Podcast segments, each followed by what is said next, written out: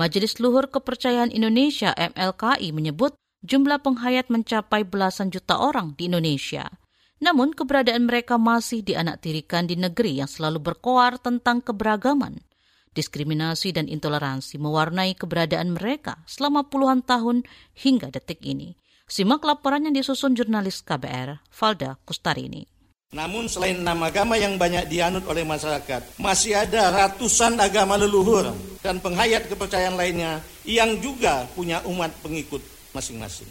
Ini adalah cuplikan video Menteri Agama Fahrul Rozi saat pembukaan Rakornas Forum Kerukunan Umat Beragama FKUB awal November lalu. Dalam pernyataannya, Menak mengakui keberadaan agama-agama tradisi atau kelompok penghayat kepercayaan di Indonesia. Namun, jika menilik aturan FKUB, tidak ada kursi untuk kelompok tersebut dalam kepengurusan. Kondisi itu mewakili secuil saja tindak diskriminasi terhadap para penghayat.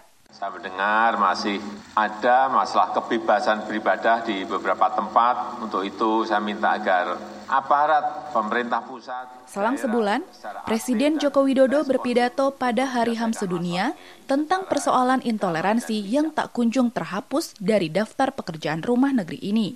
Saban tahun, selalu ada kasus pelanggaran kebebasan beragama dan beribadah terhadap minoritas tak terkecuali kelompok penghayat. Kasus paling menyita perhatian tahun ini terjadi pada komunitas Sunda Wiwitan di Cigugur, Kuningan, Jawa Barat. Juli lalu, bangunan makam sesepuh disegel Pemda dengan dalih belum mengantongi izin mendirikan bangunan. Konflik akhirnya berhasil diredam setelah sejumlah lembaga dan tokoh nasional turun tangan. Pemangku adat Sunda Wiwitan, Oki Satrio Jati menduga penyegelan itu terkait dengan konflik lahan adat yang selama ini mati-matian dijaga oleh masyarakat itu hanya meredam. Itu hanya meredam kami momentum karena di saat itu perhatian publik tinggi kepada Cigugur. Selain soal keyakinan, kelompok penghayat juga masih kerap tersandung masalah administrasi kependudukan.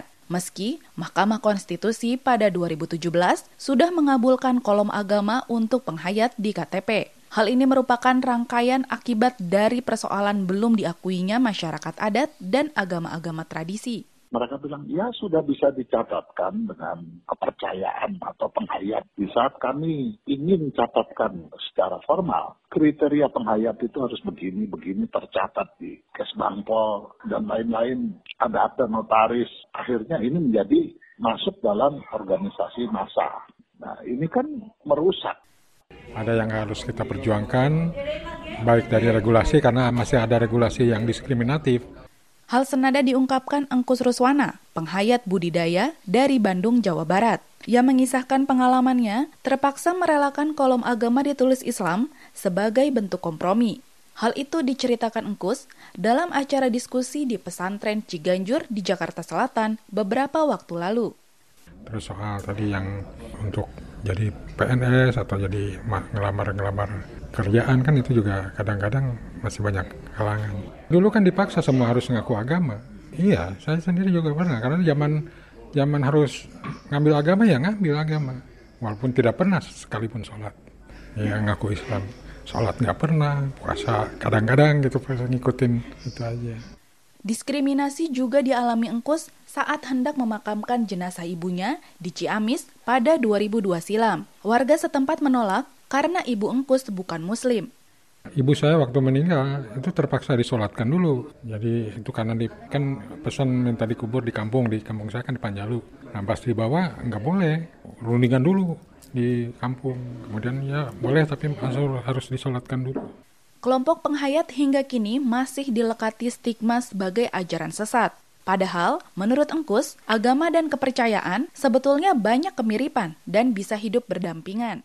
Islam itu selalu menganut prinsip toleransi dan menghormati kepercayaan agama lain. Pengasuh pesantren Ciganjur, Syaifullah Amin, menyayangkan masih banyak diskriminasi terhadap kelompok penghayat. Sikap intoleran juga kerap ditunjukkan penganut agama mayoritas. Terkadang dan yang sering terjadi di masyarakat kita adalah eh, adanya tindakan intoleransi yang sebenarnya motifnya bukan agama tetapi dibungkus dalam semangat agama untuk mengobarkan tindakan intoleransi. Ia mendorong pesantren ikut andil dalam menghapus stigma terhadap kelompok penghayat. Kontribusi ini selaras dengan ajaran keadilan dan toleransi dalam Islam. Pesantren selalu mendakwahkan atau mengkampanyekan bahwa Islam itu mengajarkan toleransi dan menentang tindakan-tindakan intoleransi.